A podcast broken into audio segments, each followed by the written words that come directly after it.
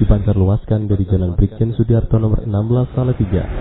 Inilah Radio Bang 93,2 MHz. Mengenal indahnya Islam. Assalamualaikum warahmatullahi wabarakatuh. Innal hamdalillah nahmatuhu wa nasta'inuhu wa nastaghfiruh wa min shururi anfusina wa min sayyiati a'malina. May yahdihillahu fala mudilla wa may wa asyhadu an la ilaha illallah wahdahu la syarikalah wa asyhadu anna muhammadan abduhu wa rasuluh. Ya ayyuhalladzina amanu taqullaha haqqa tuqatih. ولا تموتن إلا وأنتم مسلمون. أما بعد فإن أصدق الحديث كتاب الله وخير الهدي هدي محمد صلى الله عليه وسلم وشر الأمور محدثاتها وكل محدثة بدعة وكل بدعة ضلالة وكل ضلالة في النار. اللهم إنا نعوذ بك من العجز والكسل والجبن والبخل والهرم وعذاب القبر اللهم آت أنفسنا تقواها وزكاها أنت خير من زكاها أنت وليها ومولاها اللهم إنا نعوذ بك من علم لا ينفع ومن قلب لا يخشع ومن نفس لا تشبع ومن دعوة لا يستجاب لها Allahumma inna nas'aluka ilman nafi'a wa rizqan thayyiba wa amalan mutaqabbala. La ilaha illallahul azimul halim.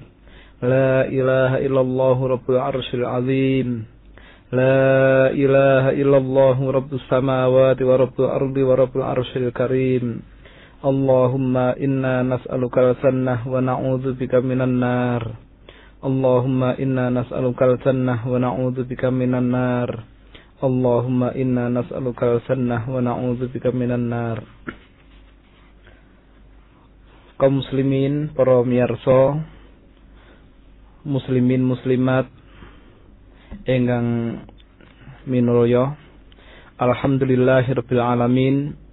Wonten ing dalu menika kita waget pepanggihan malih wonten ing radio Bas FM menika, radio sunnah. Mugi-mugi kita tansah dipun paringi kesehatan dening Allah Subhanahu wa taala, nggih. Sehat akal, sehat pikiran, sehat jasmani, soho sehat rohani. Mugi-mugi kanthi kesehatan-kesehatan kala wau kita waget menggalih punapa ingkang dados dawuhipun Allah Subhanahu wa taala ingkang kasrat wonten ing Al-Qur'anul Karim.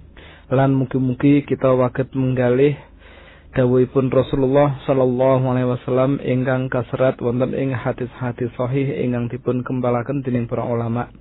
Mugi-mugi Allah taala tansah paring rahmat kasih sayang tumrap para ulama ingkang tansah nguri-uri ilmu lajeng ngumpulaken arupi kitab kata Sahih Bukhari, Sahih Muslim lan sanes-sanesipun.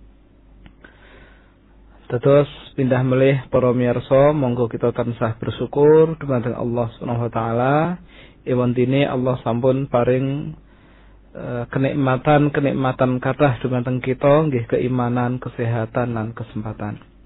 Salawat lan salam mugi kunjuk dumateng Nabi kita Muhammad sallallahu alaihi wasallam ugi mugi sumrambah dumateng keluarganipun Rasulullah Ahlul Bait dumateng para sahabat, para tabi'in, para tabi'ut tabi'in, para ulama, imam-imam mazhab nggih.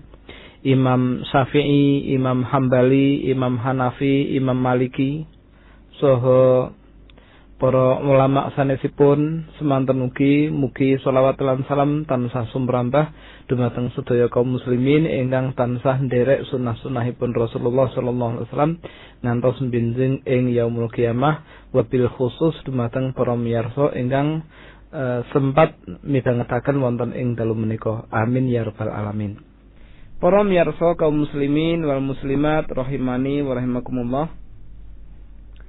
Imam Ahmad rahimahullah taala ngendikaaken nggih حدثنا محمد بن فضيل عن المختار بن فلفل عن أنس بن مالك قال أغفى رسول الله صلى الله عليه وسلم إغفاءة فرفع رأسه متبسما.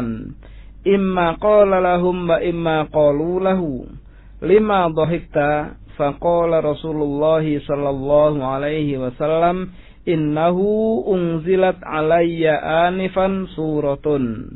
Faqara'a bismillahirrahmanirrahim inna a'tainakal kautsar. Hatta khatimaha faqala hal tadruna mal kautsar? Qalu Allahu wa rasuluhu a'lam. Qala huwa naharun a'tanihi rabbi azza wa jalla fil jannati alaihi khairun kasirun taritu alaihi ummati yaumal qiyamah aniyatuhu adadul kawakib. Yakhtalitul abdu minhum faaqulu ya rabbi innahu min ummati. Fayuqalu innaka la tadri ma ahdatsu ba'dak. Imam Ahmad rahimahullahu taala ngendikaaken bilih critakaken dumateng kawula Muhammad bin Fudail sanggeng Al Mukhtar bin Fulful sanggeng Anas bin Malik radhiyallahu anhu.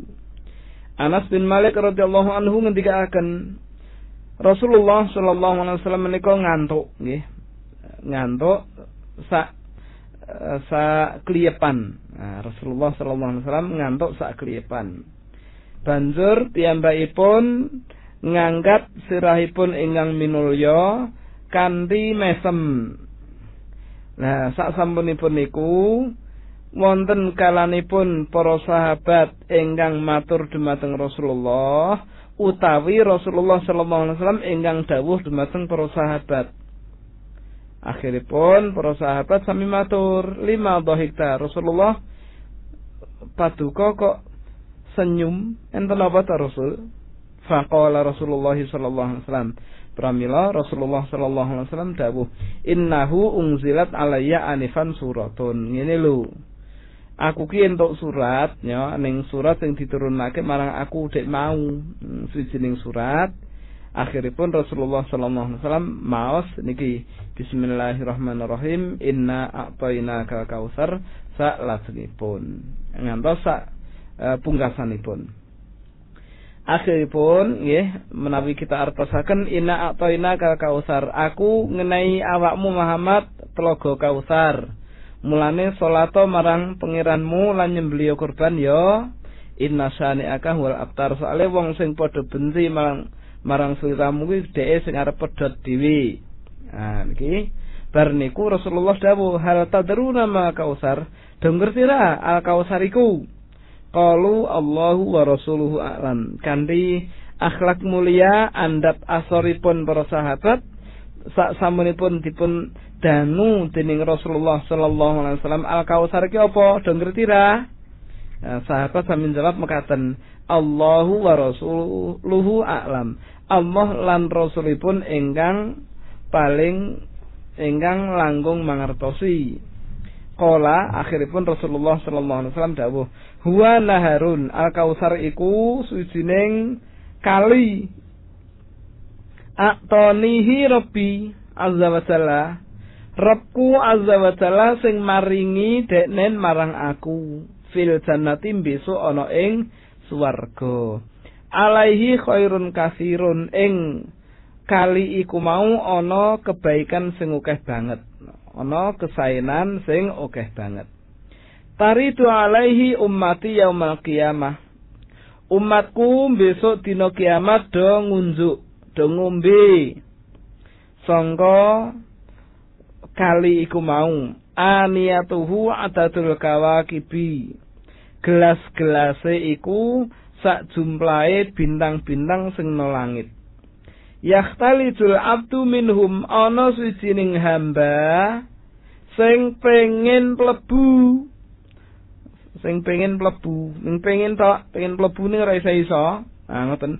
Faqulu banjur aku matur. Ya, Rasulullah sallallahu alaihi wasallam ngoten aku matur ya Rabb do Allah innahu min ummati. Lho niku ra umat kula to fayuqalu banjur dipun dawuhaken innaka la tadri ma ahdatsu ba'dak. Uh, kowe kan rarti Muhammad apa sing dadi gawe sak peninggalmu sak sedamu. Kuwi wong-wong sangka umatmu ki do nglakoni apa kowe ra rarti ya ngoten. Niki Bu Pak para miyarsa para kadang stresna ingkang dahat kinurmatan nggih sedaya mawon niki wau dawuhipun Rasulullah sallallahu alaihi wasallam ingkang magayutan kalian surat Al-Kautsar nggih. Dados critanipun ingkang pun riwayataken dening Imam Ahmad menika menawi waget kita simpulaken ceritane Rasulullah sallallahu alaihi wasallam niku nembe pinarak sareng-sareng kalian para sahabat. Terus uh, sedilit ngoten niku Rasulullah ngantuk sak kliyepan nggih. Rasulullah ngantuk sak kliyepan bar niku langsung ningali dateng inggil ngoten ndangak ngoten nggih. Bar niku uh, mesem Rasulullah menika. Banjur sahabat sami tanglet Rasulullah jenengan kok mesem niku kenapa Rasulullah? Kita sening men. Nah, ngoten. Banjur Rasulullah dawuh iya aku ki ento anu surat Al-Qur'an diturunke marang aku yaiku Al-Kautsar yaiku Al-Kautsar.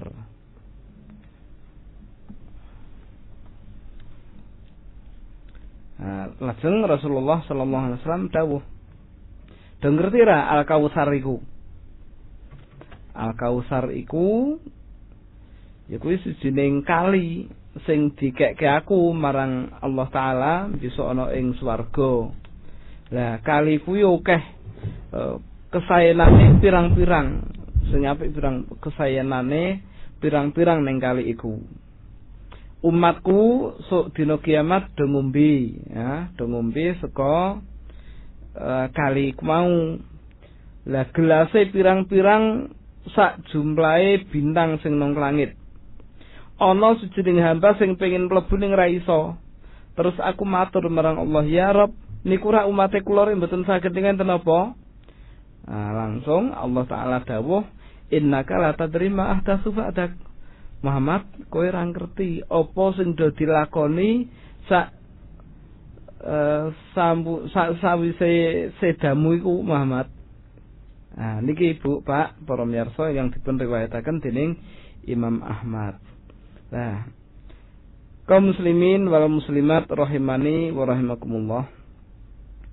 Wonten ing kisah menika enten pinten-pinten pelajaran nggih nomor setunggal nggih keutamaanipun e, pinarak nggih kumpul-kumpul dumateng tiang sae nggih kados para sahabat niki tansah kumpul-kumpul dhateng Rasulullah sallallahu alaihi wasallam dados pikantuk kesaenan nggih kathah sanget. Nah katen lajeng nomor kalihipun Rasulullah sallallahu alaihi wasallam menika nggih kadang ngantuk barang soalnya Rasulullah niku menungso biasa kados awake dhewe. In nama ana basarun. Aku ki menungso kaya kowe. Ya. aku yo ngombe aku yo mangan aku yo nikahi wong wadon. Nah,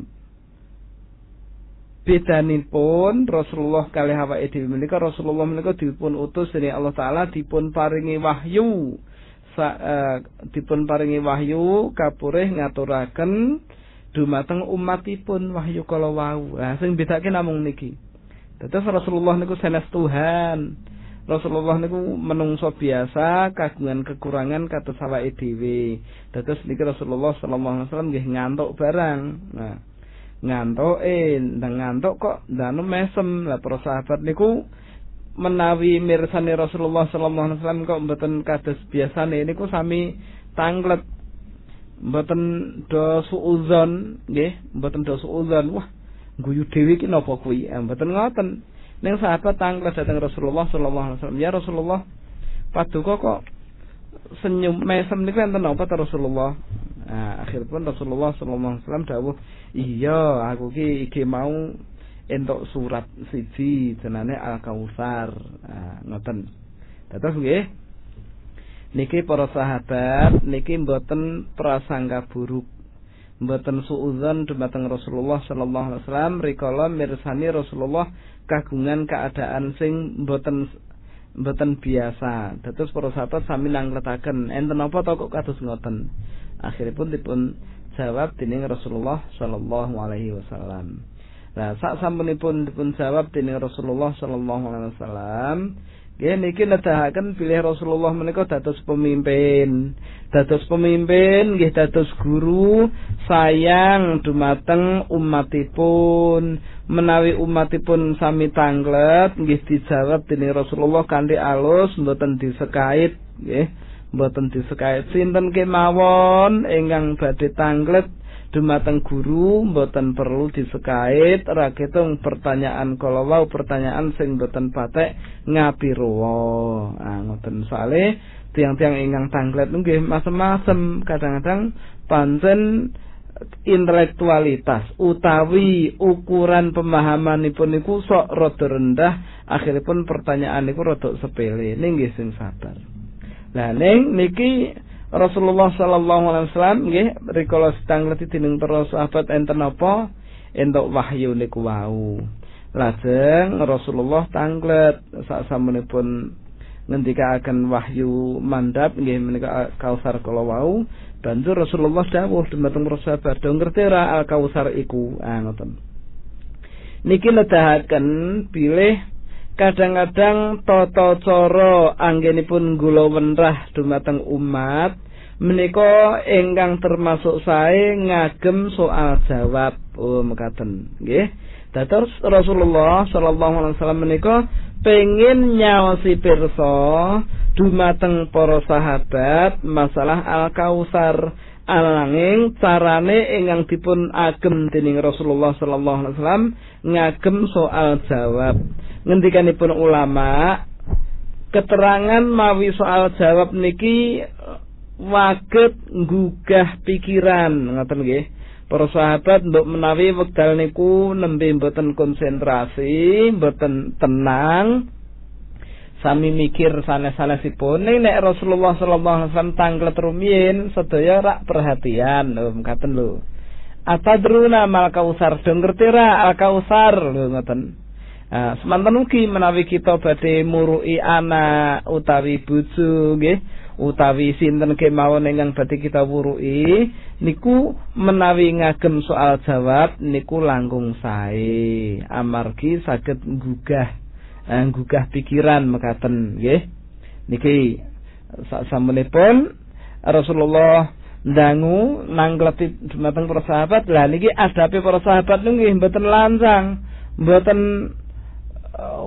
mboten rumangsa ngerti terus dijawab sak asal-asalan nggih mboten. Menawi para sahabat menika mboten mangertosi nggih langkung sae jawabipun Allahu wa rasuluhu a'lam. Allah lan rasulipun ingkang maha ngudaneni ingkang langkung pirsa ngoten. Nek Rasulullah nggih mboten maha nggih maha menika Allah maha ngudaneni. Allah ingkang langkung pirsa rasul lan rasulipun. Nah niki maksudipun para sahabat Allah wa rasuluhu a'lam Allah lan rasulipun ingkang langkung pirsa mboten kok madake Allah lan rasulipun. Mboten. Ananging sing dipun paringi pirsa sik dhewe sanging menungso menika Nabi Muhammad. Dados menawi ampun menawi Allah sampun pirsa banjur Nabi Muhammad diaturi pirsa berarti Allah kalih Rasulullah menika ingkang pirsa pramila para sahabat ngendikaken Allahu wa rasuluhu a'lam. Allah lan rasulipun ingkang langkung pirsa. Ananging menawi kita sedaya zaman sak menika menawi dipun tangkleti kok ora iso jawab pramila ingkang sae adapipun ngucap Allahu a'lam. Oh ngoten nggih Terus menawi kita ditangleti nggih napa kemawon? Nggih, menapa kemawon? Upaminipun kita nembe layeh-layeh wonten ing ngajeng griya. Banjur wonten sepeda motor liwat mandek bar niku buka helm totok-totok salam bersalam pun plebet nderek tanglet. Ngoten nggih? Nderek tanglet dalemipun Mbah Sumiem pundi Pak D? Ah ngoten menawi Pak D mboten pirsa dalemipun Mbah Sumiem nggih jawab mawon Allahu a'lam Mas. Kula mboten ngertos. Kula sanes tiyang asli mriki kula manggen teng mriki tumut anak kula. Oh ngoten upaminipun. Ampun kon jawab ngawur. Oh ketoke daerah mriku ya eh umbang blasuke ah nggih mboten dipun parengaken nggih. Ngendika mawon nek mboten ngerti dawuh Allahu a'lam. Allah ingkang langkung pirsa nggih. Cobi mang tanglet. Ah upaminipun malah jenengan ngeteraken dhateng tanggane Mas. Jenengan pirsa dalem Mbah Sumiem apa ora? Iki bapak iki arep ketemu arep sowan upaminipun nggih to. Ah niki nggih langkung sae. Ning nek wegah mboten purun nedahaken mergo pancen nembe kesel ah, capek nggih ngendika mawon Allahu a'lam kula mboten ngerti. Nah semanten ugi para ulama nggih menawi dipun suwuni fatwa dumateng masyarakat rata-rata anggenipun jawab menika Allahu a'lam kula mboten ngerti. Lan dipun ngendikaaken pilih Allahu a'lam ucapan Allahu a'lam menika nisful ilmi. Yo ngoten nggih nisful ilmi separone ilmu kata Imam Malik ditangkleti pinten-pinten perkawis kata sing dijawab Allahu a'lam. Nggih mboten mboten pitados. Nggih mboten kok ae poh Imam Malik imam kok takoki ora ngerti. Ah benen kalian wong sakniki kendel banget takoki sembarang-barang jawab kabeh ndang kon dalil mumet ah, pelintir ke Al-Qur'an. Nah boten dipun parengaken ngoten nggih.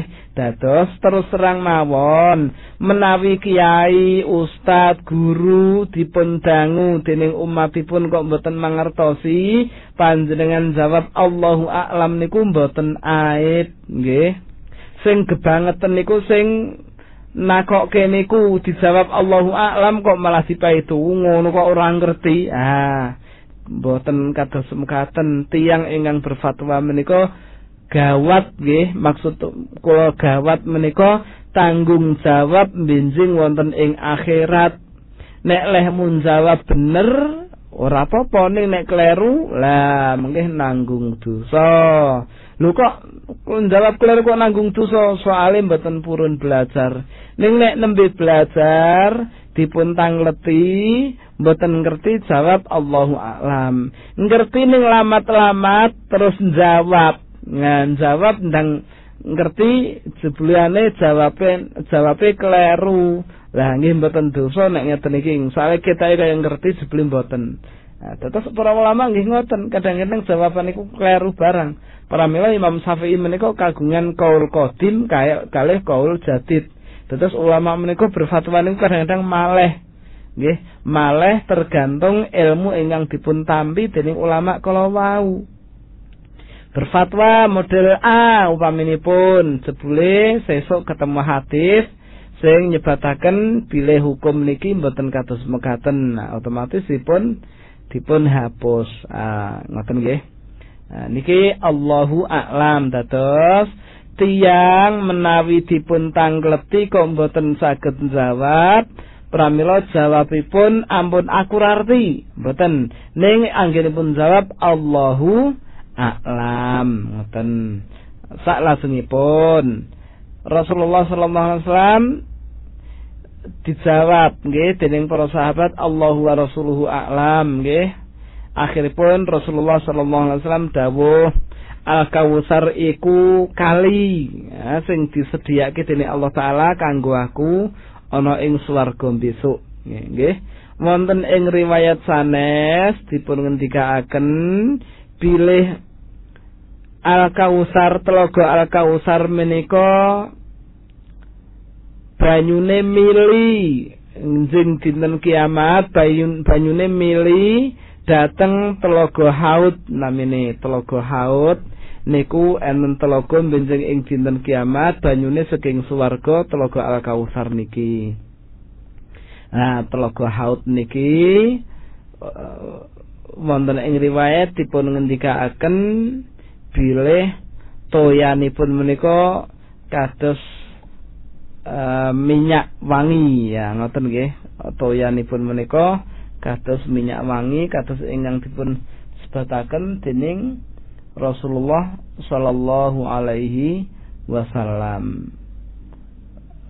Uh, lajeng niki minyak wangi azfar naminipun nggih? Minyak wangi azfar. Lah rikala Rasulullah sallallahu alaihi wasallam semerep kali ingkang banyune niku jeble minyak alfar banjur Rasulullah sallallahu alaihi wasallam niku tanglet dumateng Jibril. Jibril dalem Rasul iku apa iku? Nah, niku telaga Al Kausar ingkang dipun paringaken dening Allah dhateng jenengan. Nah, menawi kang dipun riwayataken ingkang wonten ing surat eh, napa? Sahih Bukhari mekaten wau. Nggih. Nah, terus para miyarsa kaum muslimin wal muslimat rahimani wa rahimakumullah. Kaum muslimin nggih umatipun Rasulullah sallallahu alaihi wasallam sedaya sami ngunjuk nggih benjing wonten ing dinten kiamat nggih sami ngunjuk telaga haud nika wau ingkang toyanipun milih sengging telaga Al-Kausar.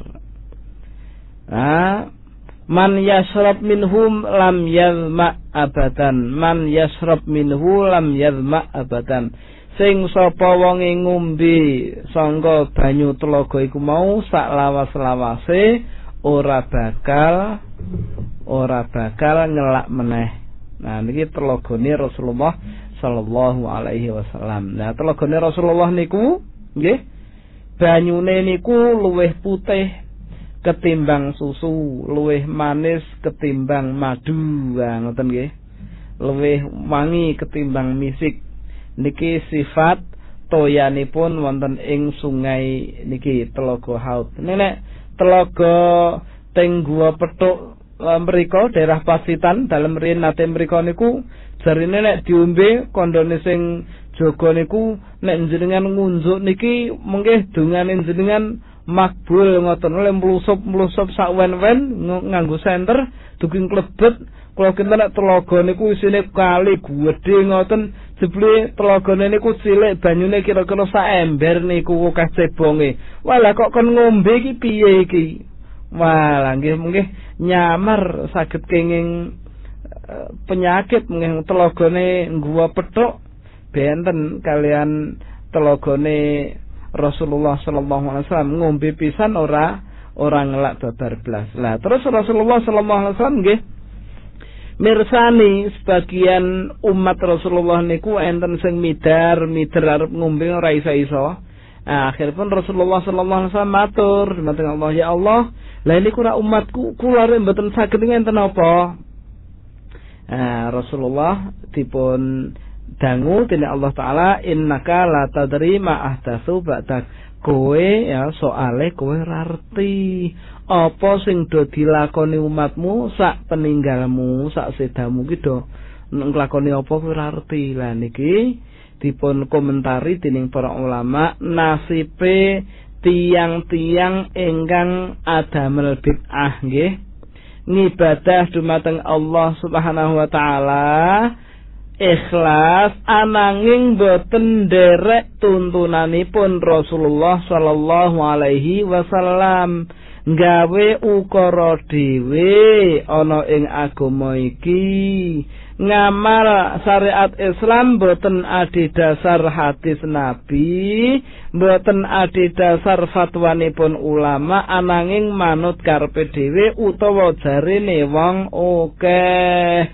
Lah niki menawi ngugemi karepe wong akeh niku Allah Subhanahu wa taala inggih sampun dawuh. Para sederek nggih wonten ing Al-Qur'an nggih in tuti aksara man fil ardi yudilluka an sabilillah. Lamun sliramu manut karepe wong akeh bakal padha njlontrongke awakmu marang ya sangka dalan sing bener sangka dalane Allah diblusukke uh, sangka dalane Allah artosipun mboten ditedahaken dhateng margi ingkang leres. Soaling panjenengan wong akeh ngurusi karepe wong akeh niku sarwa repot. Wong akeh niku nek alim kabeh ngoten.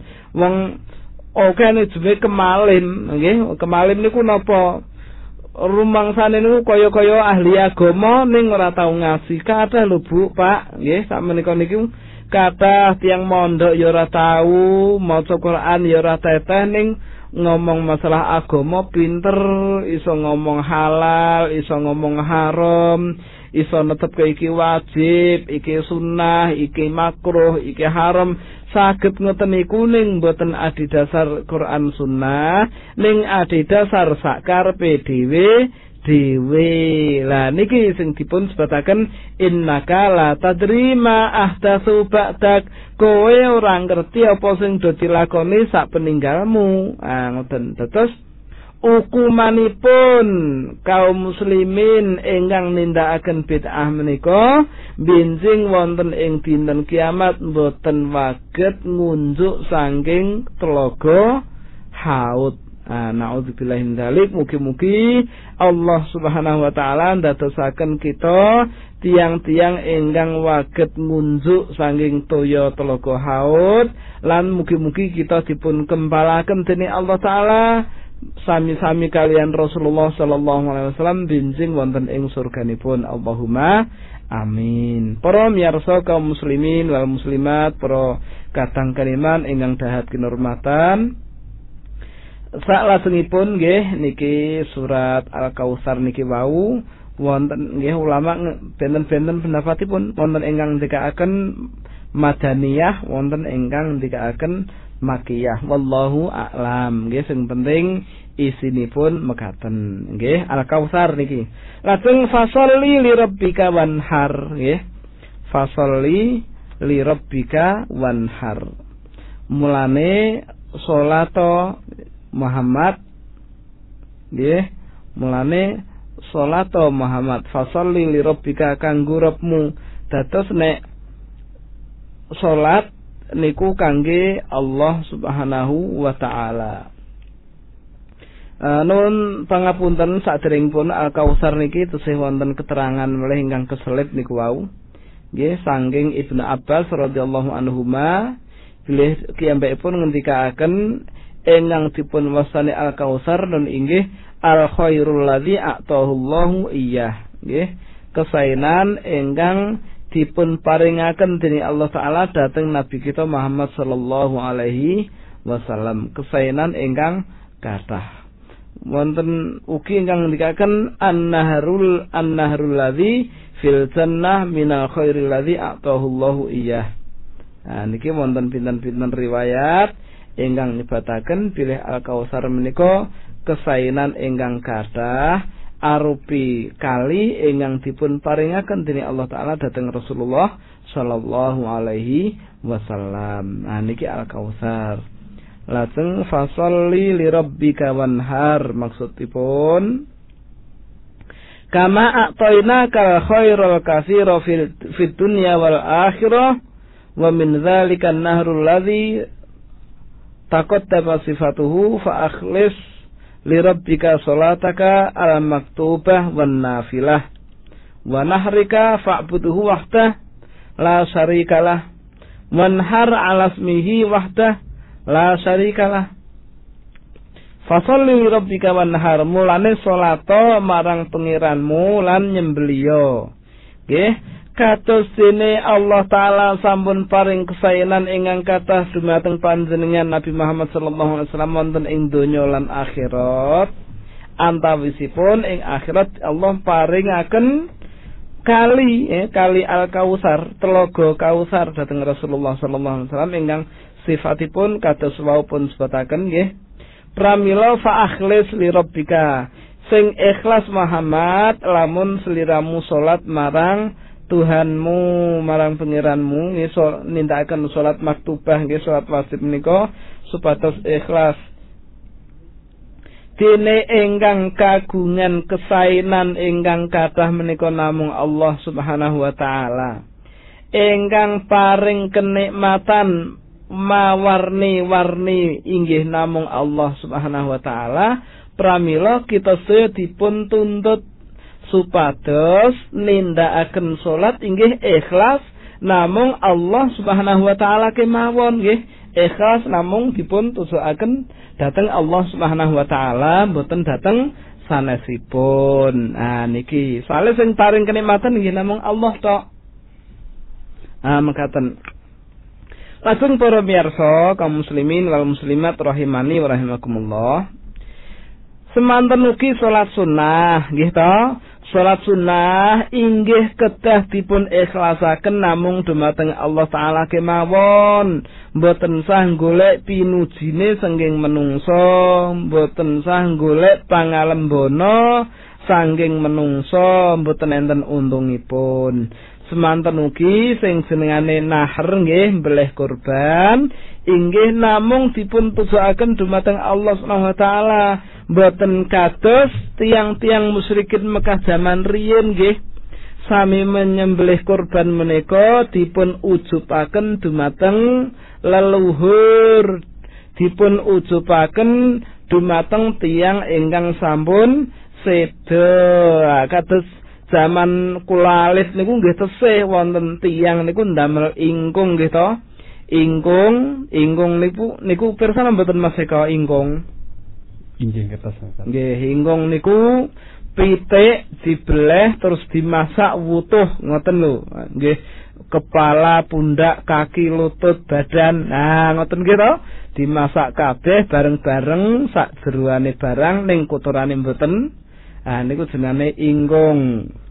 Nah, sak sampunipun disediakaken ingkung wonten berkatipun. Sak ngabrek ora mekakat dipun wastani berkat. Lah lawane werni-werni dirubung wong pirang-pirang do sila kuplukan kabeh terus do uh, ngendikaken dening sing paham agama niki. Paham niki dipun ujubaken kangge sinten? Napa sing dijupke ingkunge niki lho. Nah, berarti wau le nyembelih kurban nggih ngapunten niku arupi ayam utawi mendo utawi sapi nggih menawi dipun niataken penyembelian menika persembahan kagem mayit utawi kagem wit utawi kagem jembatan utawi kagem danyang niki ingkang dipun wastani mboten ikhlas alias syirik. Lah niki mboten dipun parengaken fasalli li rabbika mulane nek salat karo nyembelih kurban li rabbika marang Tuhanmu wae ora marang liyane. Ah ngoten nggih. Fasalli li rabbika wanhar. Akhiripun Allah Subhanahu wa taala tawu in qul inna salati wa nusuki wa mahyaya wa mamati lillahi rabbil alamin la syarikalah wa bidzalika umirtu wa ana awwalul muslimin. Kandakno Muhammad sak temene salatku ibadah nusukku ya hajiku utawi kurbanku uripku lan matiku kabeh kagem Allah Rabbul Alamin ora ana sekutu tumrap Allah pramila umirtu nggih ngibadah kanthi ikhlas niki kula dipun perintah dening Allah wa ana awwalul muslimin lan kula menika termasuk tiyang ingkang sik dhewe anggenipun Islam lan niki Allah ndawahaken dhateng Nabi Muhammad supados mungel mekaten. Ibnu Abbas radhiyallahu anhu saha Atha Mujahid Ikrimah lan Al Hasan ngendikaaken pilih kurban wonten ing mriki kurban badan nggih lan sanes-sanesipun nggih to. Semanten ugi Qatadah Muhammad bin Ka'ab Al-Qurazi Soho Abduhak Soho Ar-Rabi atau Al-Khurasani Soho Al-Hakam ya. langsung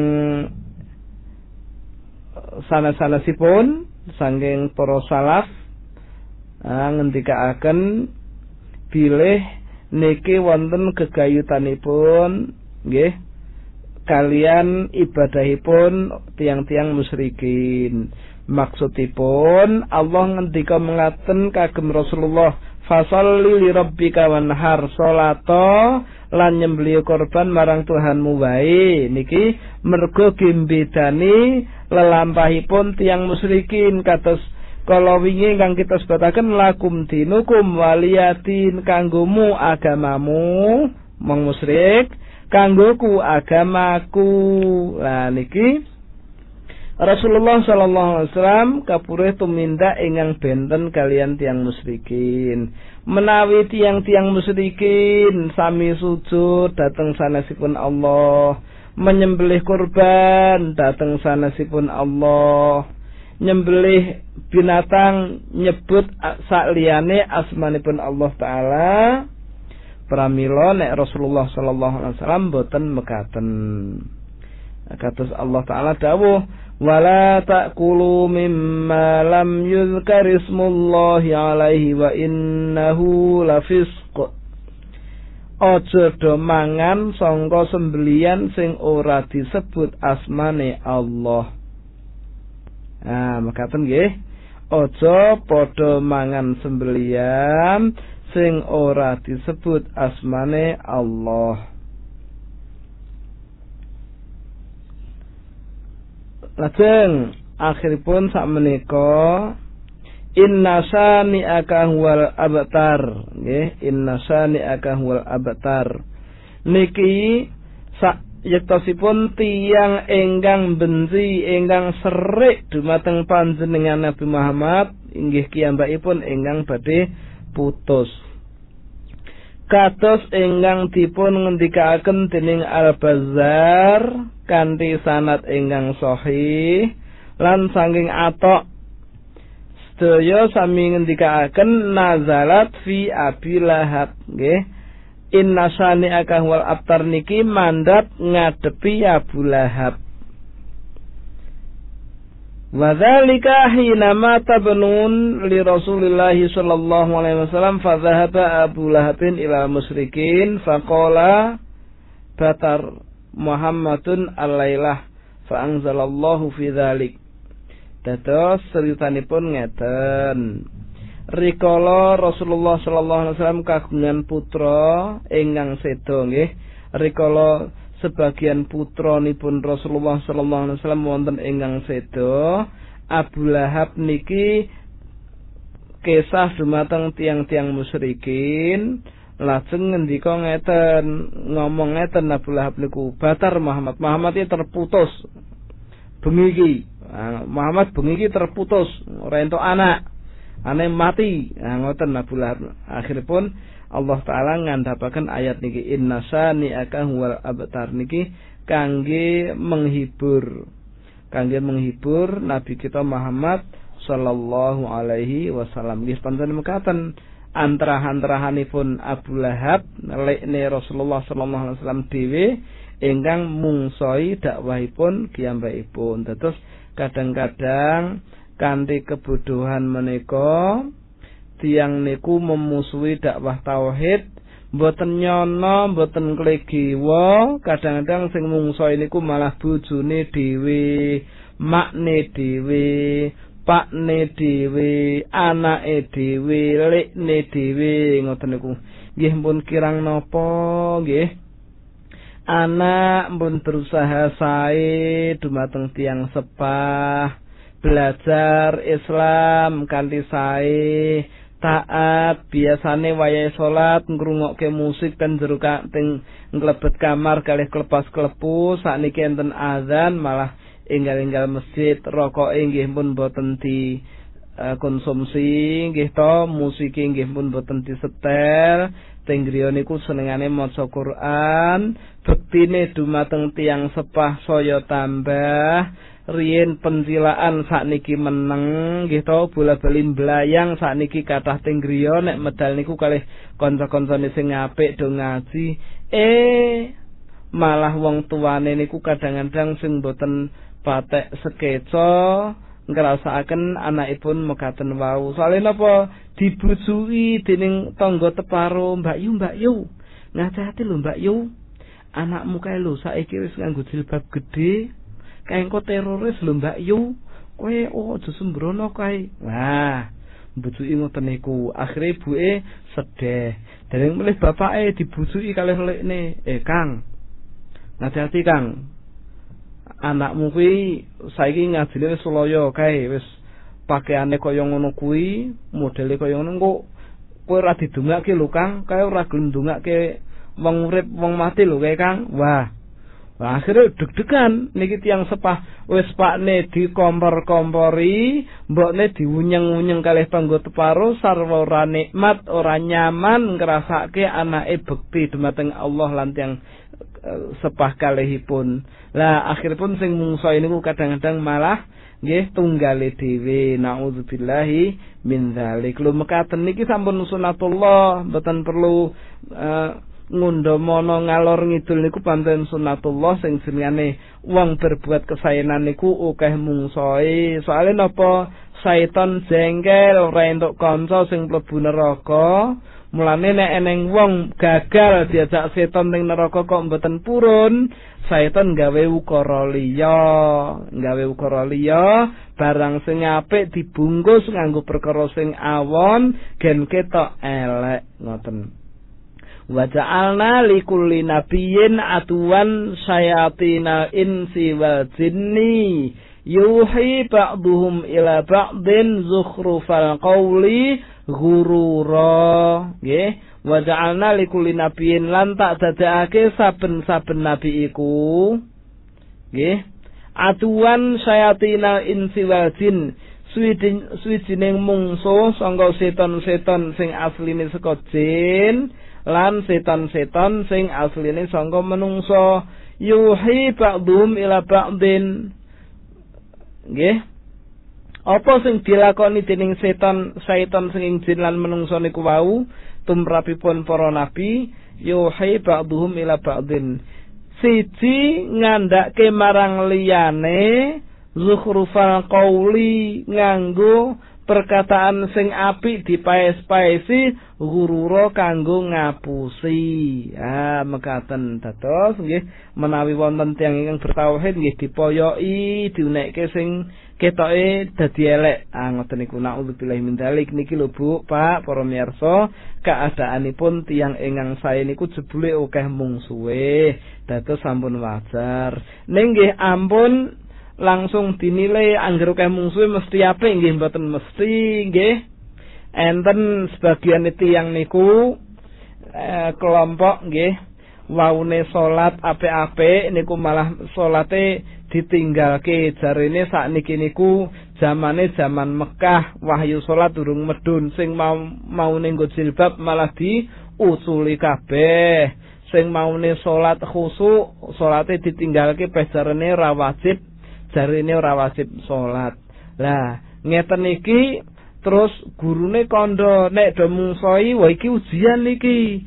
nunjukke awake dhewe iki bener mboten mekaten. Dados ukuran bener niku mboten mergo akeh mungsoe mboten. Ning ukuran bener menika menawi adi dasar Al-Qur'an lan hadis, ijma' lan qiyas sangga saha anggenipun memahami lan ngamalaken Al-Qur'an lan hadis kados dene tuntunanipun para ulama, para ulama lan iki jaminan sae. Insyaallah nggih.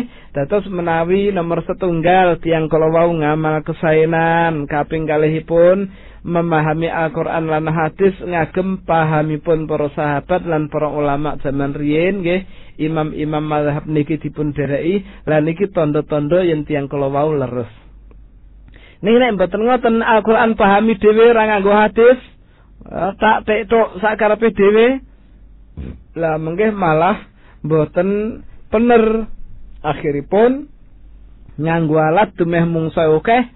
Wah iki sing sabar iki bener mboten nggih, mboten jaminan. Sing jamin niku mboten mergo le musuh akeh ning sing jamin menika cocok lan botenipun kalian lelampahipun para ulama. Nah niku.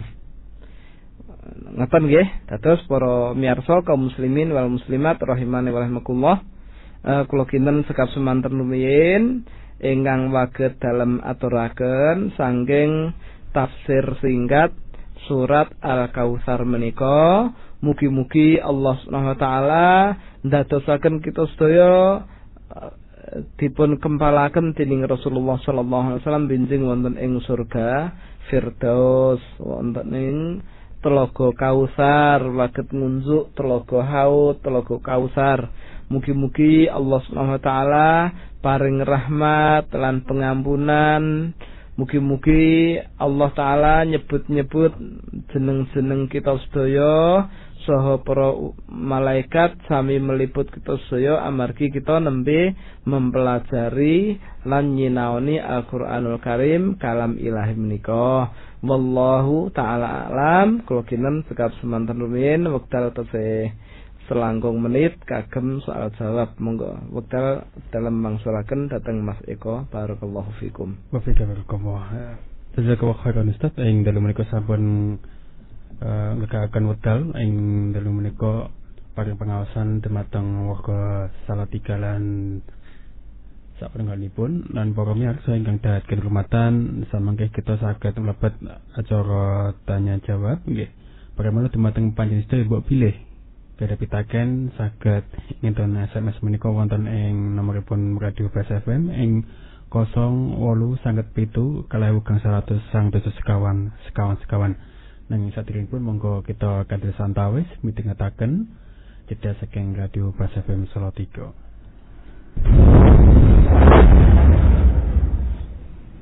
Kaum semua semangat berhubungi Rahmatullah hmm? Bisa dalam pembahasan perkawis riak punika perkawis ingkang penting sangat bisa. Ingkang perlu kita mengerti supados punika kita samanya sakit jaga diri kita saking perbuatan riak ada kok ada suaranya? Pun ini apa? Makna pun riak mana sih? Kalau ulama jelaskan boleh riak eh? yang mulia masih dari amal ibadah. Supados dipun tinggali dening yang sanis, lan yang dilawau berada tujuan iki narkarat tujuan pun tiyang ingkang nyambung kana wau. Ini ceria.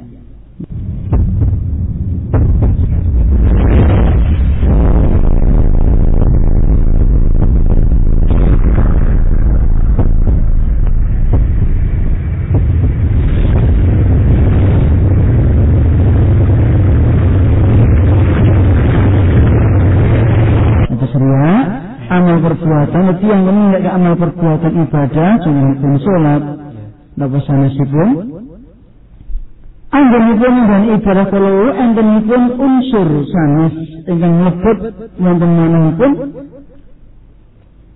inggih punika ngarep-arep ngajeng-ngajeng. Ujian sanjungan saking tiyang sanes niku riya. Hmm. Lan iki semisal kalawan sum'ah Sum'al punto dia menindakkan amal perbuatan ya. Lajeng wonten pun Kecampuran tujuan sanes napa ta punika inggih punika gendiri wak medeni menika kemuji dheweke. Yang sanes kala wau dipunarep-arep tujuanipun pujianipun. Nah, sendiri amal perbuatan kalau wau ngarep-ngarep pujianipun dia kalau wau. Dan amal perbuatan yang ditonton yang dirumokne Ya. Pun pun anak engkang saipun Nasrani Ustaz. Ingkang dipun wastani riya. Dipun dongaaken napa boten? Nek kaitanipun kalawan pangalanipun dia niku riya. Nek wonten kaitanipun kalawan pangurunganipun dia niku namine sum'ah ning sama mawon. pun termasuk asalipun syirik asghar. Dari kota Salabudana Negara, inilah 15 FM mengenai Indah Islam. Lansak panggone. Para pemirsa ingkang dahat kehormatan, alhamdulillah ing dalu menika kita saged minangkan melih wonten frekuensi sang dosa 3 poin kali FM. Dan alhamdulillah ing dalam menika sampun wonten pinter-pinter pitaken Ustaz wonten ing meja redaksi lan kita wasaken setunggal bapak setunggal. Ingkang pitaken ingkang setunggal inggih saking Anto wonten ing Tatar Bawen Assalamualaikum warahmatullahi wabarakatuh Ustaz. Waalaikumsalam warahmatullahi wabarakatuh. Uh, Ustaz pripun adapipun menawi anak ingkang bapakipun Nasrani napa nika wajib dipun dongaaken napa mboten Ustaz? Makaten Ustaz. Monggo. Nggih. Didongake Mas Eko. Dongake dipun suwunaken hidayah. Uh, Allahumma hdi abi. Ya pamanipun ngoten nggih ya Allah. Kula nyuwun panjenengan paring hidayah dumateng bapak kula. Ah ngoten.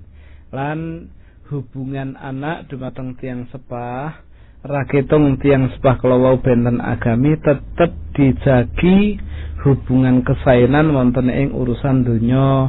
Amargi Rasulullah sallallahu alaihi wasallam rikala dipun uh, caosi pirsa dening Allah taala kapureh ngaturaken dumateng umatipun.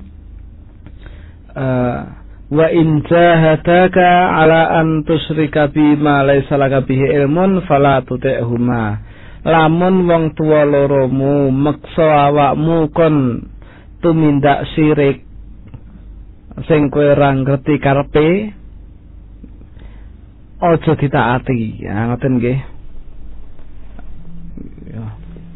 Malai salaka bihi ilmun sing ora ngerti karepe nggih nggih ngerti karepe ora ning sing ngerti karepe nek kon sirik niku pripun nggih.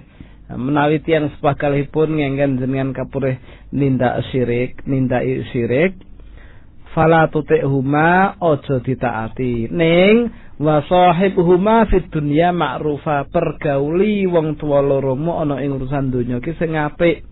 Dados menawi anak nggih ngadepi tiang sepah kalihipun utawi salah setunggalipun wonten ingkang agaminipun boten Islam tetep uh, andap asor nggih menawi ngomong nggih basa basa krama alus menawi boten waget basa nggih ngomong sing sopan sing kepenak lajeng boten menatap muka nggih ampun mirsani socanipun tiang sepah ananging nunduk mekaten.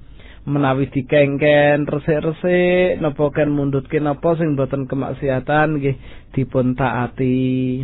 Tetulung dumateng tiang sepah nggih menawi bapak ibu sampun sepah nggih sampun usia lanjut nggih dipun tulungi ingkang langkung kathah langkung sae saha sabar mboten tersinggung dumateng perkataan tiang sepah kalih. Semanten ugi nggih pakaianipun tiang sepah menika dikumbahke omahe disapokke kamare dipelke enjing-enjing dipun damelaken teh napa unjukan ingkang dados kereman keremenanipun bapak utawi ibu. Sing penting sing diremeni niku halal mang damelke. Teh niku halal kopi niku halal ini nek khomer niku mboten pareng. Raketung tiang sepanjenengan seneng banget dateng khomer nggih mboten sah dicepaki khomer saben esuk gen lek mati nggih mboten Nggih, mbok ngundane malah pertus bareng sepake. Ampun, tetep raketung agamane beda, disayang wonten ing urusan alam dunya lan ampun bosen-bosen ing dalem paring nasihat lan masukan dumateng tiang sepah kalih ingkang benten agama kala wau. Sinten uh, mangertosi menawi Allah taala ngepasi mbikak manahipun lajeng panjenengan caosi pirsa akhiripun nampi. Nah akhiripun rak pikantuk hidayah. Lah tiang kafir ingkang pikantuk hidayah mergo panjenengan niki kagem panjenengan langkung sae ketimbang unta ingkang rupanipun abrit. Nggih kados dawuhipun Rasulullah sallallahu alaihi wasallam dhateng Ali. Nggih bin Abi Thalib ya Ali la ayyadiyallahu bika rajulan wah rajulan wahidan khairun laka min humrin na'am. Ali kowe lamun Allah taala paring petunjuk marang hamba mergo awakmu kuwi luwih apik tumrapmu ketimbang unta sing abang. Ulama ngendikaken unta abang niku lambang kesaenan nggih unta abang menika lambang kesaenan utawi lambang harta ingkang larang banget. Oh, ngoten mekaten nggih Mas Anto ingkang wonten ing bawen nggih. Matur nuwun atas kerja sama panjenengan dumateng kita sedaya wonten ing studio menika. Mugi-mugi ndadosnya gan ndadosna ganjaran ingkang kathah dumateng panjenengan sak keluarga. Amin ya rabbal alamin. Salajengipun Mas Eko? Nggih matur suwun Ustaz. Salajengipun kita wasaken niki saking Udin wonten ing uh, Magelang. Oh Mas Udin Magelang. Lan niki mengko pitaken uh, Jumat kepekar Ustaz nggih? Nggih nggih. Assalamualaikum Ustaz. Waalaikumsalam Waalaikumsalam warahmatullahi wabarakatuh. Ustaz kula beri tangkret sak lebetipun salat menika bilih kita mau tahiyat uh, lajeng ngajengaken terunjuk nggih menika dipun kawiwiti kanthi waosan punapa. Lan kalian uh, bibagipun salam menika napa kedah musaprai Ustaz. Oh, ngoten nggih. Nggih ngeten anu Mas Udin. Mas Udin ingkang wonten ing Magelang. Magelang pun pun niki Mas Eko. Salaman menapa tempuran? Kota Magelang ini pun imbun oh, nggih. mbok menawi ben polo ya nggih. Nggih. Nggih. Ngeten maksudin nggih. E, masalah ngacungke jari wonten ing tasahud menika wiwit kapan? Wiwit waosan punapa? Napa pas illallah napa wiwit awal. Ngeten asli aslinipun wonten ing hadis menika.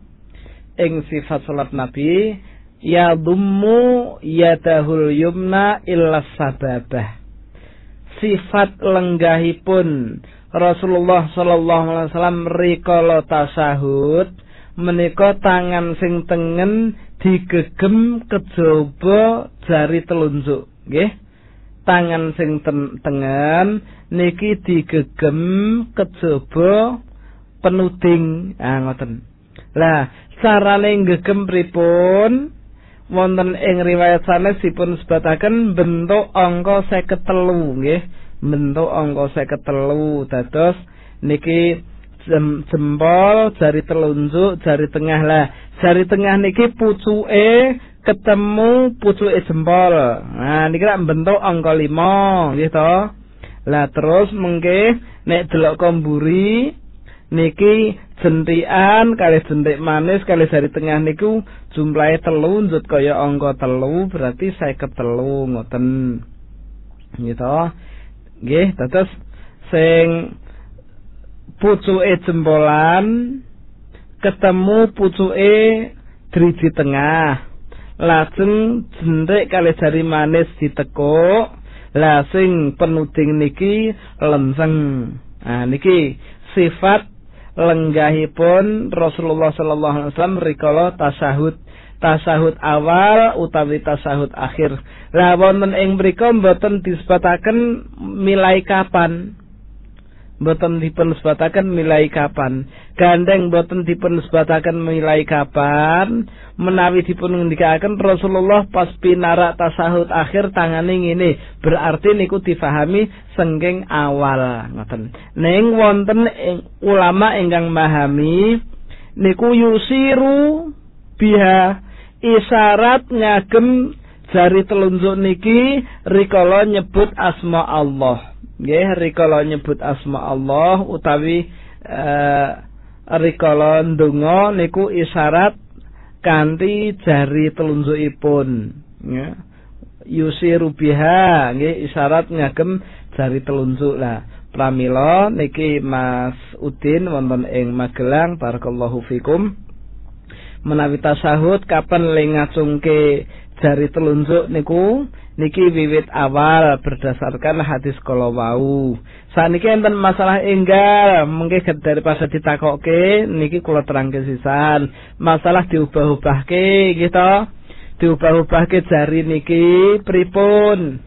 Niki kata hadis-hadis ingkang ndikaaken masalah ngubah-ubahaken jari ananging rata-rata hadisipun dhaif ananging wonten ulama ingkang tetep memahami kana yusiru biha isyarat niku dipun pahami ngubah-ngubahaken. Lah le ngubah-ubahake kiwa tengen apa munggah medun jawabipun ulama munggah medun mboten leres menawi wonten dongeng jarine Rasulullah sallallahu alaihi wasallam niku riyen dilumpet kalih setan.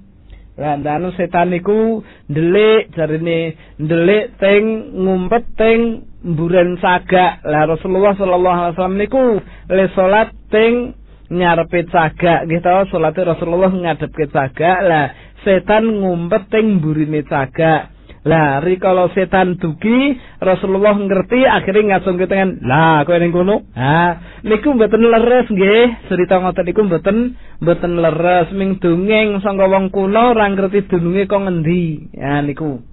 Lajeng wonten melih ingkang kagungan penggalih menawi jari telunjuk menika dipun obah-obahaken ngandhakaken utawi isyarat bilih Allah itu di mana-mana niki nggih mboten leres Ya terus pripun diutamakan niku mergo namung derek napa ingkang dipun lampahi dening Rasulullah sallallahu alaihi wasallam. Intine niki masalah ngibadah maksudin menawi panjenengan semerep dalilipun nggih mang lampahi nek mboten nggih mboten sah dilampahi ngoten. Nek enten wong sing isih nglakoni mboten sami kalian jenengan mboten sah dipeliriki mboten sah digrunengi langkung saene jenengan tanglet kemawon. Mas jenengan kok nindakaken ngibadah sing kadose uh, beda men. Kula mbok dipun paringi ilmu. Dalilipun saking pundi? Lah menawi ngoten niku. Termasuk ngusap tangan bar salat kala wau. Menawi panjenengan ngerti dalil nggih mang lampahi nek mboten ngerti nggih mboten sah ngoten mawon. Mekaten nggih. Nggih ngusap-ngusap tangan bar salat apa Eko ngusap tangan teng muka nggih. Ah ngusap tangan. Ngusap muka raup nggih. Bar salat niku pripun nggih? Nek jenengan ngerti dalile dalile sahih senging hadis dipun sebataken dening ulama teng kitab-kitab kuning nggih manglampahi nek mboten ngerti nggih mboten sah sik ngoten mawon. Sak uh, ngantos pikantuk dalilipun. Terus gampang agami menika. Eneng dalile lakone ora eneng ya ora ngoten mawon mboten sah dipun uh, peksa-peksaaken. Menawi panjenengan mboten nindakaken syariat mergole ora ngerti niku mboten dosa kok maksudin sing penting jenengan tansah ngaos ngrawuhi majelis-majelis taklim. Katen wallahu taala Iya, Ustaz, uh, matur suwun kita lajengaken pitaking saking telepon Ustaz. Mugi-mugi niki paringi lancar Ustaz nggih. Amin, nggih, nggih, Mas Assalamualaikum. Waalaikumsalam. Injih, saking pundi, Pak? Saking Pak Lili Uleri ini. Pak Lili oh, nggih dipakene kan berkaitan Pak nggih. Monggo. Nyuwun sewu Pak Yudin nggih. Nggih. Dicatet Pak Zainuddin iki LC ini udah napa Pak nggih? Napa tak hafiz, napa tafsir nggih? Nggih. Kula oh. kepengin ketok nggih. Nggih, ngomong kata. Kula mboten LC, Pak. Napa? Kula mboten LC. Nggih. Oh, mboten LC ya. Nggih. Langsung mawon nyun sewu Pak pitakene mawon, Pak. Nggih. Oke, nggih, napa? Nggih. Eh, kan napa niku? Uh, eh, al kausar niku artine kira napa ngeten sing sing sing pasti nih nggih. Nggih. Ngoten mawon. Nggih sing sing kedua niki napa niku? Napa hati yasin niku pripun ngeten? Lo di di pun ngertosi habis tentang maca surat yasin ngeten nggih oh nggih. Nggih itu. Nggih. Niku pun Pak. Assalamualaikum. Warahmatullahi wabarakatuh mbok pilih para pamirsa nggih yang badhe tanglet menika nggih magayutan punapa ingkang dipunaturaken kalian panjenengan menika. Nah, mungkin nyun sewu para pamirsa ingkang babagan ingkang intinipun benten kalian pembahasan ing dalu menika mungkin saged langsung dipuntaknalken kalian Al Ustaz Ahmad Jainuddin. Mangkaten Ustaz nggih. Nggih. Lan kula kinten nggih kangge mbagahi wekdal nggih dhateng sanesipun nek ndedak nangkletin jenengan pun dahar napa dereng ngoten niku menggih mawon SMS dateng kula ngoten nggih Mas Eko nggih. Artosipun nggih pertanyaan sing boten enten gegayutanipun kalian uh, masalah niki. Nggih ngoten Pak Lili Weleri nggih. Dados makna Al-Kausar nggih ingkang dipun sebataken wonten ing tafsir menika wonten kalih nggih. sedaya kanthi riwayat saking sahabat nggih mboten enten pertentangan sing setunggal nyebataken Al Kausar menika telogo nggih telogo Al Kausar sing setunggal kados Ibnu Abbas kala wau ngendikaken Al Khairul Kasir nggih. Wan Naimul Ghazir. Ah ngoten nggih. Kesainan nggih kesainan ingkang kathah lan keutamaan ingkang deres nggih. Nggih lan sedaya kala wau dipun paringaken dening Rasulullah sallallahu alaihi wasallam. Lah pripun to kok dipun wasani naimul kafir nggih khairul kafir wal fadlul ghazir nggih kesainan ingkang kathah lan keutamaan ingkang deres kok dipun wasani pekaten amargi ciri-ciri utawi sifatipun al kausar menika dipun ngendikaaken dening Rasulullah sallallahu alaihi wasallam wonten ing hadis-hadis sanes bilih wiyaripun kali nggih kali Al Kausar menika perjalanan setunggal bulan nggih so dawane nggih dawane telaga saha wiyaripun telaga niku sami perjalanan setunggal bulan toyanipun langkung petak ketimbang susu raosipun langkung manis ketimbang madu lan cangkir. Saha gelas-gelas ingkang kagem ngunjuk menika sak jumlahipun bintang-bintang gemerlapan ingkang wonten ing langit. Mergole saking kathahipun lan gemerlapan.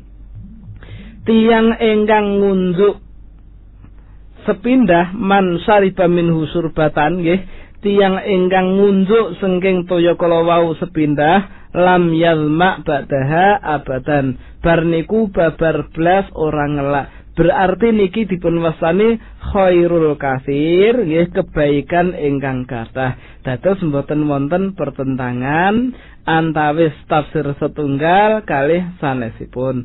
Mekaten Pak Lili ingkang dipun rahmati dening Allah Subhanahu wa taala matur nuwun atas perhatian panjenengan dene sampun nderek uh, sareng-sareng wonten ing kegiatan dalu menika wallahu a'lam.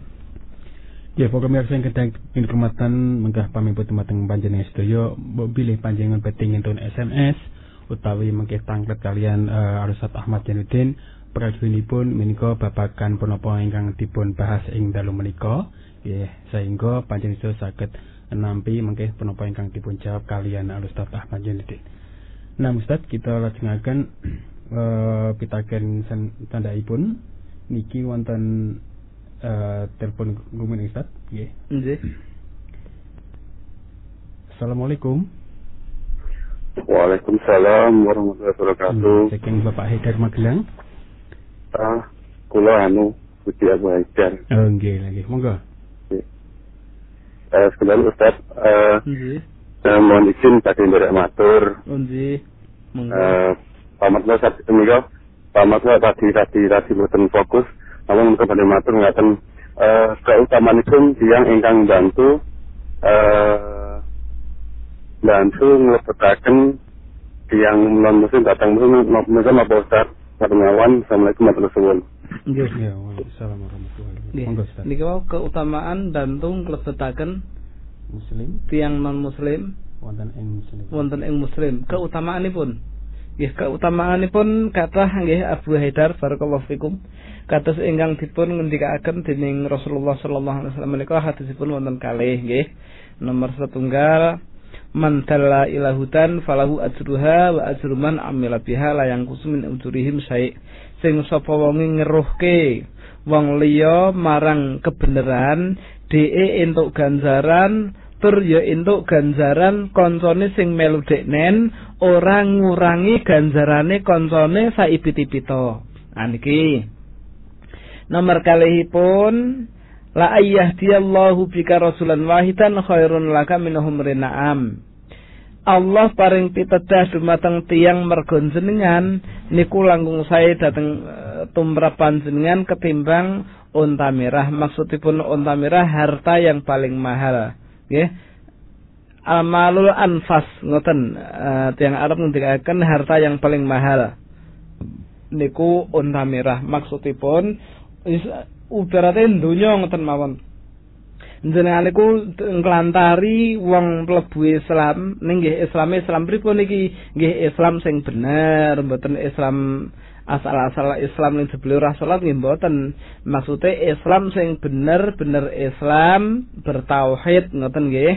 Tiang non muslim mlebu Islam kok islami Islam tauhid sing bener nindakaken sunah nabi.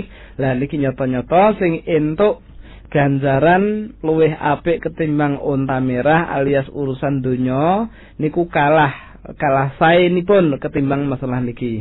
Soho untuk ganjaran saben wong sing melu jenengan niki menawi dipun eh, tedahaken dhateng Islam ingkang leres. Mekaten Abu Haidar barakallahu fikum. Nggih, Ustaz salajengipun niku wonten pitaken saking idah wonten ing Drabak nggih. Idah, idah wonten ing Drabak. Oh, nggih. Piyambakipun tanglet uh, Ustaz. Nggih. menawi eh, mboten angsal maam sembelihan ingkang mboten ngagem asmanipun Allah Subhanahu wa taala menawi kita nggih mboten okay. sumerep le nyembelih utawi tumbas teng peken menika hukumipun terus pundi nggih nah nek mboten ngerti delok nggone maksudnya delok nggone jenengan le tumbas wonten ing masyarakat sing mayoritas wong non muslim napa sing masyarakat mayoritas muslim? Nggih ngoten. Nek mendhet daging sembelian wonten ing Bali ah kinten-kinten panten nggih ah rada ngati-ati ning nek daerah saliyane eh, kota Bali Pulau Bali termasuk daerah mriki nggih Solo Tigo Magelang niku rata-rata sing nyembelih niku wong muslim Nah, dados kita husnuzon hukum asal niku nek do nyembelih ngagem bismillah lan awe dhewe mboten perlu dadak takok anu Bu, niki le nyembelih ngagem bismillah napa mboten? Paling-paling mingar ming dijawab mboten ngerti Mas, nggih ngoten niku. Nah, sing adol liwak men nggih mboten ngerti. Sing adol liwak niku kadang-kadang dhewe ming kulaan. Cuman ngeten. Niki nggih Nggih sae nggih Bu nggih Bu Idan jenengan tanglet ngeten iki ndadekke kula niku pengen ngaturaken setunggaling perkawis ingkang penting kagem para penyembelih sing uh, sadian uh, sembelian nggih. Khususipun bapak-bapak ingkang nyembelih sapi niku ampun disiksa ngangge digelonggong di soi banyu ngangge selang ngantek mentu-mentu gedhi niku ampun. Nah niku nyiksa binatang. Nomor setunggale nomor kalihipun jenengan ngapusi mergo bobote gen abot. Uh, pramila anyep. Uh, niki. Dados mungkin le barokah mboten entuk. Uh, ngeten iki nek mbelih niku Rasulullah sallallahu alaihi wasallam ngendikaken dumateng kita wa idza dzabhtum fa ahsinu dzibhah. Nek kowe nyembelih le nyembelih sing apik wal yuhita syafratahu supaya nglandepke napa ne nglandepke pesone maksudipun nek pesone landep niku pisan ser ngoten niku mboten ngraosaken sakit langsung mati. Lah nek dadak diglonggong riyin wah berarti niki nyiksa. Niki mboten dipun parengaken niki ingkang nyembelih sapi. Wonten ingkang nyembelih mendo utawi ayam. Ayam niku modele rak burungan. Sa ayam ongkose 300 rupiah. Mungkin nek sewengi nggih jam telu teko jam papat iso entuk sewu ayam berarti telung atau sewu ayam. Lah sak jam ngoyak sewu.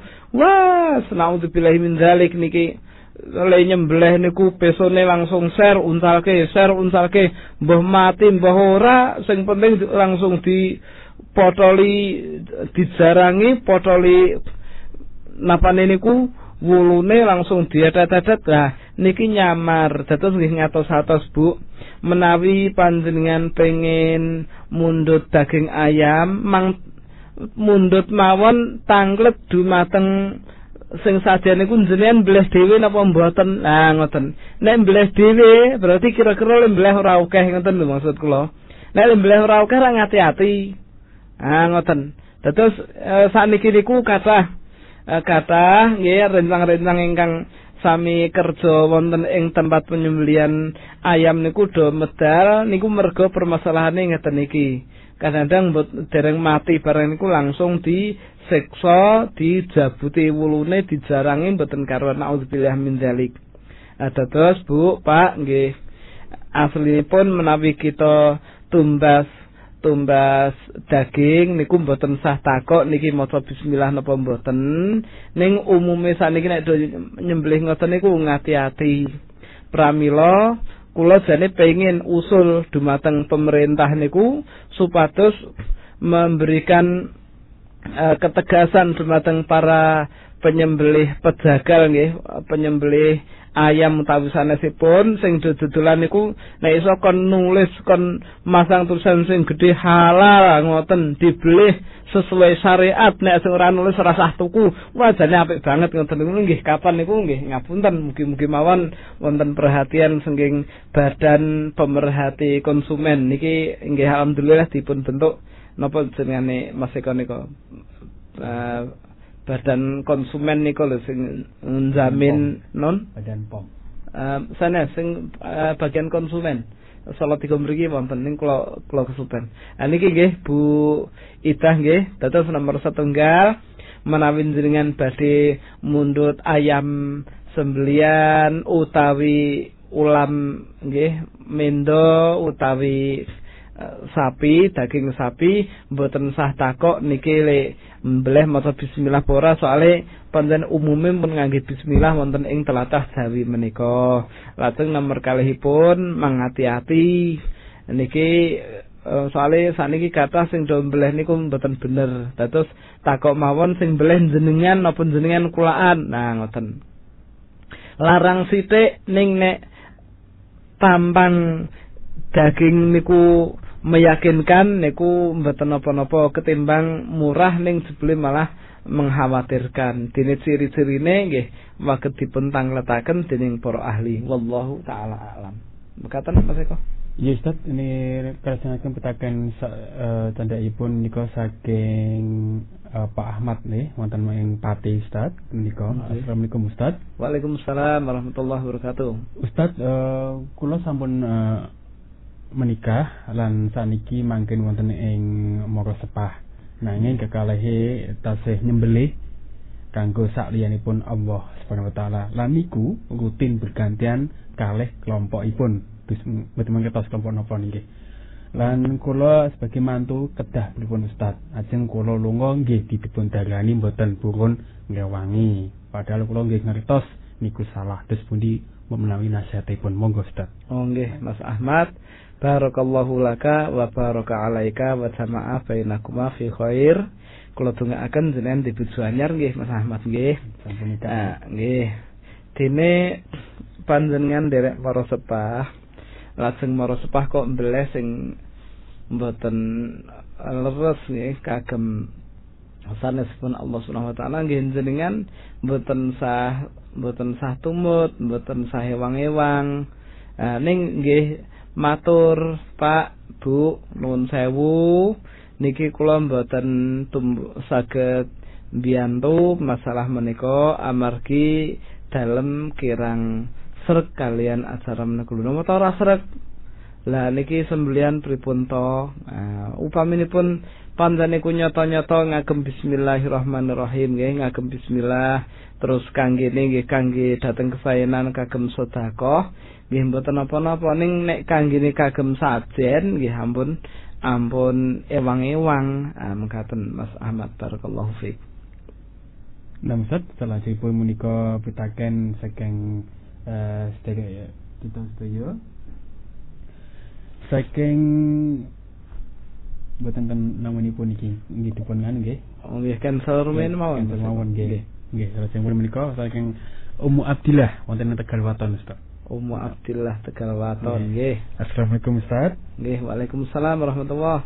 Ustaz pahala saking sisi pudi menawi ingkang dipun tampi tiang sepah. Bile ingkang putra menika dereng balik lajeng nindakaken salat utawi siam. Amangka piyambakipun dereng saged ikhlas nglampahi syariat punika. Bismillah. Nggih. Nggih kathah keterangan nggih Mbak Ummu Abdillah. Uh, niki uh, anak ingkang dereng balik menawi panjenengan arahaken nggih uh, ken sekolah, ken ngaji, ken salat niku. Ganjarane nggih kagem sing kongkon niku. Nek masalah ikhlas niki lan niku nggih anak pandan dilatih ket awal. Abdullah, Abdurrahman, Khonsa, uh, sinten melih? Niki Zainab, Jihan, ah ngoten niku nggih. Ayo nek salat sing ikhlas yo ah, mekaten nggih teko di diwarai ket awal ket alit dipun uh, wurui ngibadah kanthi ikhlas mekaten Mbak Ummu Abdillah nggih. Salajengipun pitaken saking Ummu Salman Tengaran. Assalamualaikum Ustaz. Waalaikumsalam warahmatullahi wabarakatuh. Ustaz luwih utami dus nganu pundi antaranipun bantu tiang sepuh kalian berkorban. Napa angsal menawi berkorban menika ngagem arta utangan amargi ingkang gadah arta dereng dipun sarutang menika Ustaz monggo. Ingkang gadah arta dereng dipun sarutang. Oh maksude Nggih. jenengan ngutangke ngoten to Mbak Ummu Salman. Ummu Salman apa Ummu Salman iki? Ummu Salman wonten ing Oh nggih. Enten kalih kok. Enten Ummu Salma, enten Ummu Salman. Ah, nggih sing sok takon niku Ummu Salman nggih.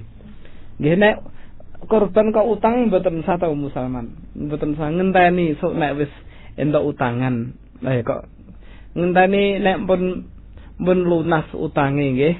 Dados eh, bayar utang niku hukume wajib. Eh, hukume wajib mbelih kurban niku enten tiang ingkang ngendikaken wajib wonten ingkang ngendikaken sunnah sing wajib niku menek mampu ah ngoten mboten terus kok ndadak utang niku mboten perlu nggih Dados nek iso ya kurban, nek ora iso mboten sah, ngoten mawon. Lah sakniki nek utamane napa? Utama sing pundi? Bantu wong tuwa kalih kurban. Bantu wong tuwa masalah napa niki? Pamane wong tuwa utange akeh ngono. Nah, terus sampean duwe duit karo tengah yuta iki piye ya? Arep ge tuku wedhus gibas sing gedhi magrung-magrung kae regane karo tengah yuta apa ge nyarutangke? Wong tuwa niku sing langkung utami panjenengan beleh kurban nggih tiang sepah uh, sing butuh bantuan nggih dirampungke sanesipun jenengan kurban liyen ning dipun tingali rumiyin mendesak napa mboten tiang sepah niki upaminipun tiang sepah menika gerah wonten ing rumah sakit. Mboten enten sing saged kagem bayar kejaba duit niku. Arep kurban jane tapi kok wong tuane ning rumah sakit kudu bayar nggih didhisike urusan tiang sepahipun mekaten nggih. Dados ndelok kepentinganipun mekaten Ummu Salman barakallahu fiik. Nggih salajengipun menika pitaken saking uh, Purwanto wonten ing Cukil Tengaran Ustaz. Nggih. Assalamualaikum Ustaz. Waalaikumsalam warahmatullahi wabarakatuh. Ustaz uh, umatipun Rasulullah sallallahu alaihi wasallam ingkang boten pikantuk ngunjuk uh, toya telaga Kausar menika amargi nindakaken punapa mekaten mawon petakenipun. Tiang ingkang boten waget ngunjuk toya saking telaga Haud benjing ing dinten kiamat menika Mas Purwanto inggih menika tiang ingkang nindakaken bid'ah wonten ing agami Islam. Amargi wau dipun ngendikaken innaka la tadrima ahdasu ba'dak kowe ora ngerti apa sing dadi gawe amalan anyar sak sepeninggalmu Muhammad ngoten ahdatsu man ahdasa fi amrina hadza ma laysa minhu fahuwa radun sapa wonge sing gawe ukara anyar ana ing agama iki sing ora ana asal usule ah dekne tertolak ah ngoten niku mekaten nggih Mas Purwanto Cukil barakallahu fiik Nggih, salajengipun menika pitaken saking Buhana Yogyakarta. Masyaallah. Assalamualaikum Ustaz. Waalaikumsalam warahmatullahi wabarakatuh. Ustaz dus Prayoginipun sesambetan kakak adik ingkang benten keyakinan, maka temawon Ustaz, monggo. Nggih. Kakak adik ingkang benten keyakinan nggih hubungan urusan dunia tetap biasa. Aning hubungan akhirat niki mboten biasa artosipun uh, kedahipun sing muslim niki nggih menawarkan keimanan nggih dumateng sederekipun menawi purun menawi mboten nggih sing penting dipergauli kanthi sae ditunjukkan akhlak ingkang mulia sangi Islam. Terus Islam niku mboten serem mboten ngebom mboten prengat-prengut ora salam niku mboten. Islam niku sumeh seneng bebantu ah ngoten menawi sedereke panjenengan kagungan kebutuhan perlu bantuan silai duit nggih silai duit perlu ditulungi junjung ke apane terkira ngendi? Nggih diterke. Sing penting menawi tumindak maksiat ampun ditulungi nggih. Menawi berbuat kemaksiatan ampun dipun tulungi. Ananging diewangi wonten ing perkawis-perkawis ingkang mubah kemawon. Ngoten. Wallahu a'lam Salajengipun niku pitaking saking Mamat Tegalwaton inggih pendengar setia Ustaz nggih. Masyaallah nggih Mas Mamat. Assalamualaikum Ustaz. Waalaikumsalam warahmatullahi wabarakatuh. Bapak Ustaz ingkang dipun mulyakaken dening Allah Subhanahu wa taala. Amin. Pripun Ustaz jawabe menawi tiang non muslim bilih kula dipun tangkleti nanging boten mangertosi.